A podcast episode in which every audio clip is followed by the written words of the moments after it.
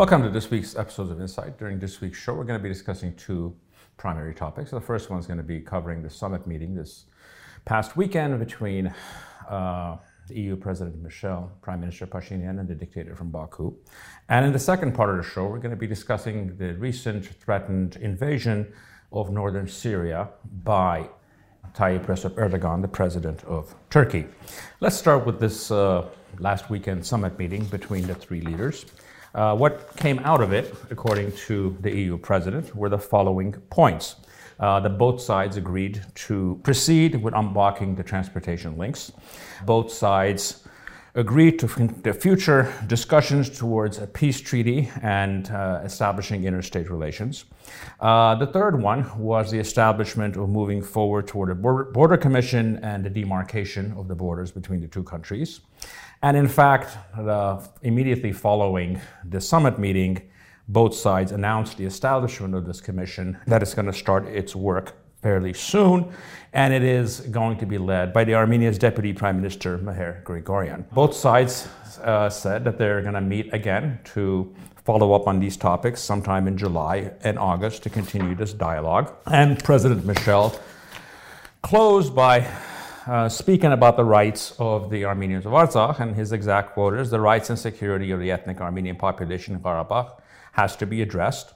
Uh, but he obviously did not mention the status of the issue, which is the primary uh, issue at the heart of this conflict for the past 30 years. Let's analyze all of this and see what it actually means in real terms. Uh, the first question we have to ask is what is the likelihood of success uh, of this process? And what I mean is not one thing here or there, but in, in general about bringing peace to the region and settling all of these issues. Uh, is it likely to succeed or not? And I would say it's actually not likely to succeed.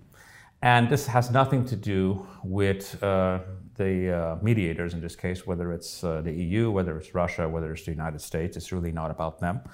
Actually, I think this is one of the few places in which most of the world powers actually want uh, a peaceful situation or at least no war for their own particular reasons. The only people that are actually interested in war in this region or instability is actually the Turkish and Azeri regimes.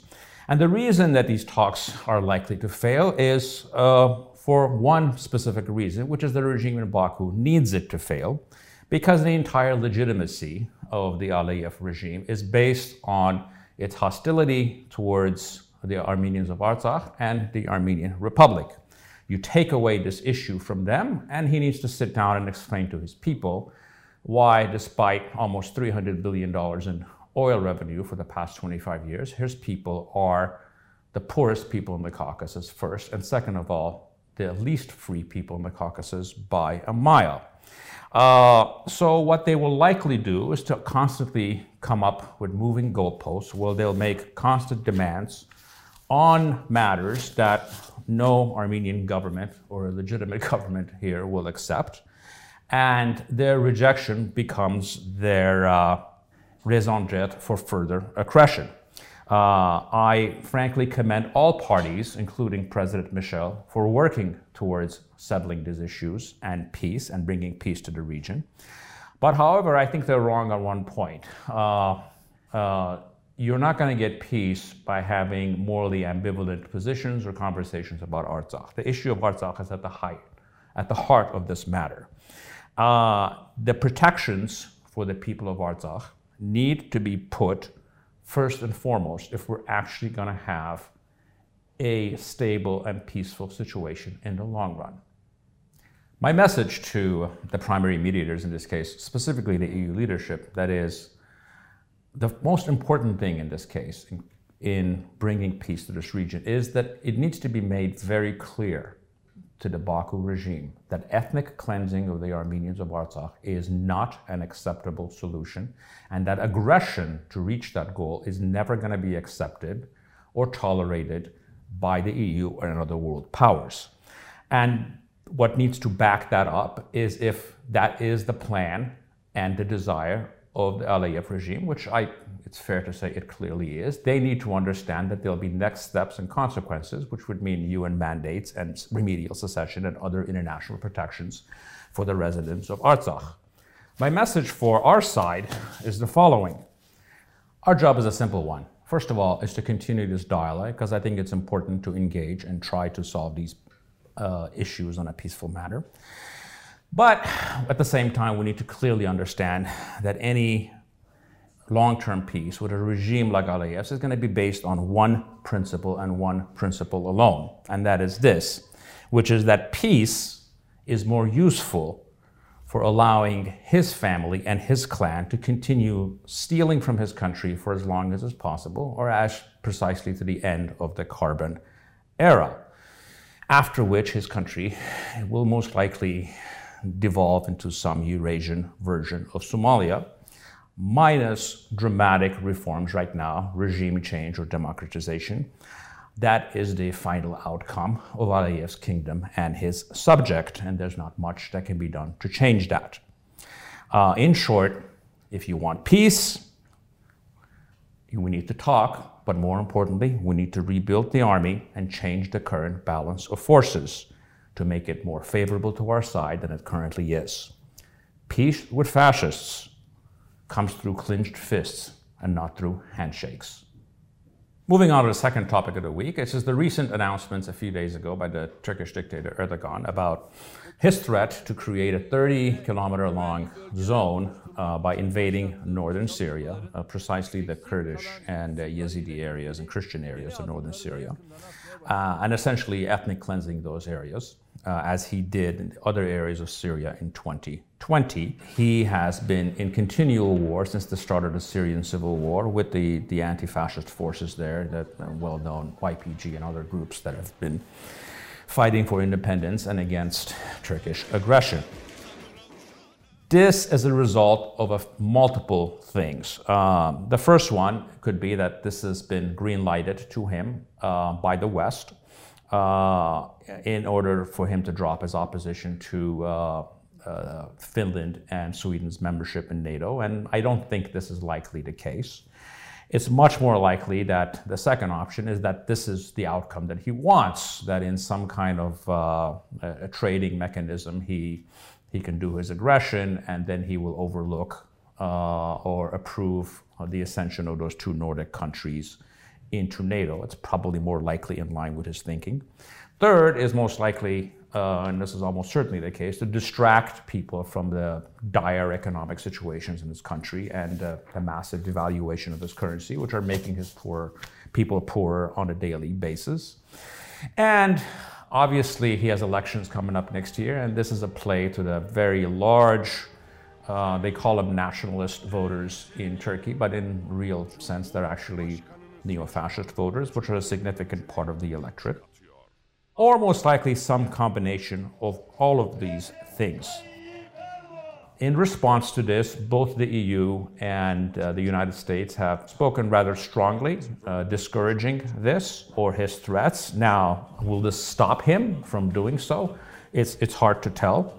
Uh, he obviously has his own calculations and he's not necessarily going to be dictated by outside powers. I'm going to move on and play a little short spurt of a speech that uh, then Senator Biden made in 2002 in northern Iraq to the Kurdish parliament, in which the, the name of this speech and the title of it was a play on words because the, the Kurds have a saying that we have no friends but the mountains, and he says that you have more friends than just the mountains. So let's hear what the former senator has to say.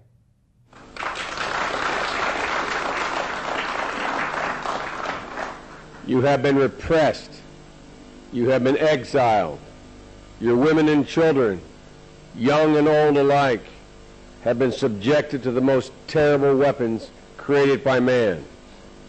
I'm hoping this is not the case and this doesn't come to pass. But if the West ever, or the, any of the Western powers, actually greenlight uh, this aggression against the Kurds of northern Syria, this would be uh, one of the most uh, dastardly betrayals of our times.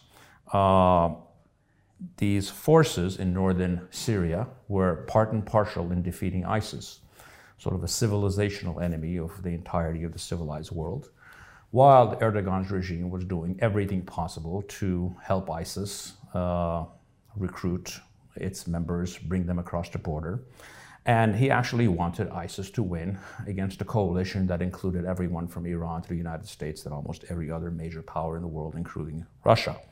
So anything of that nature, which I hope never comes to pass, would be one of the darkest moments in recent history.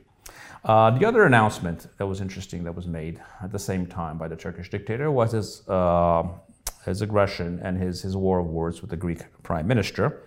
Uh, he mentioned that the Greek Prime Minister Mitsotakis no longer exists for him. Guess we're back in fifth grade or something along those lines, uh, because of a speech that he had made to the United States Congress about opposing upgrading the F 16s for the Turkish military. Uh, I think when you're looking at and this is where it affects us. You're looking at Turkish foreign policy in the Erdogan era. It's a combination of two things. It's these disingenuous peace outreaches, uh, which almost always inevitably fail. Uh, and then he falls back to naked aggression. It's just one and two. It's this yin and yang that goes back and forth. And as the economic situation in his country continues to deteriorate, that is likely to over the next year, we're going to see more of this. The only issue is who wins the lottery of being the next victim of his aggression. Because uh, over the past 10 years, as he's invaded uh, northern Syria, as he's invaded Iraq, as he's threatened Greece, as he's military intervened in Libya, uh, as he's invaded Artsakh, there has been absolutely no consequences. In fact, uh, NATO and you know other Western powers have pretty much looked the other way or green lighted most of his actions. I'm going to conclude and finish this show with a, uh, a correction from last week's uh, show, in which uh, during the broadcast I mentioned that uh, the president of the EU uh, never made a mention of Armenian POWs in their communiques uh, after the previous meetings between the three leaders. And actually, that was not the case. There was no mention of POWs in the immediate release, but in the longer communiques that they released, they demanded and asked for the release of everyone that was held, uh, all detainees. Uh, however, that did not specify which country is holding these detainees, which is disappointing because there's only one country that's holding detainees and POWs illegally. Uh, but just to be fair, they did make that mention, so I just wanted to correct that. Uh, thank you for joining me in this week's episode of Insights. Keep Ithaca always in your mind. Arriving there is what you're destined for, but don't hurry the journey at all. Better if it lasts for years. So you're old by the time you reach the island, wealthy with all you've gained on the way, not expecting Ithaca to make you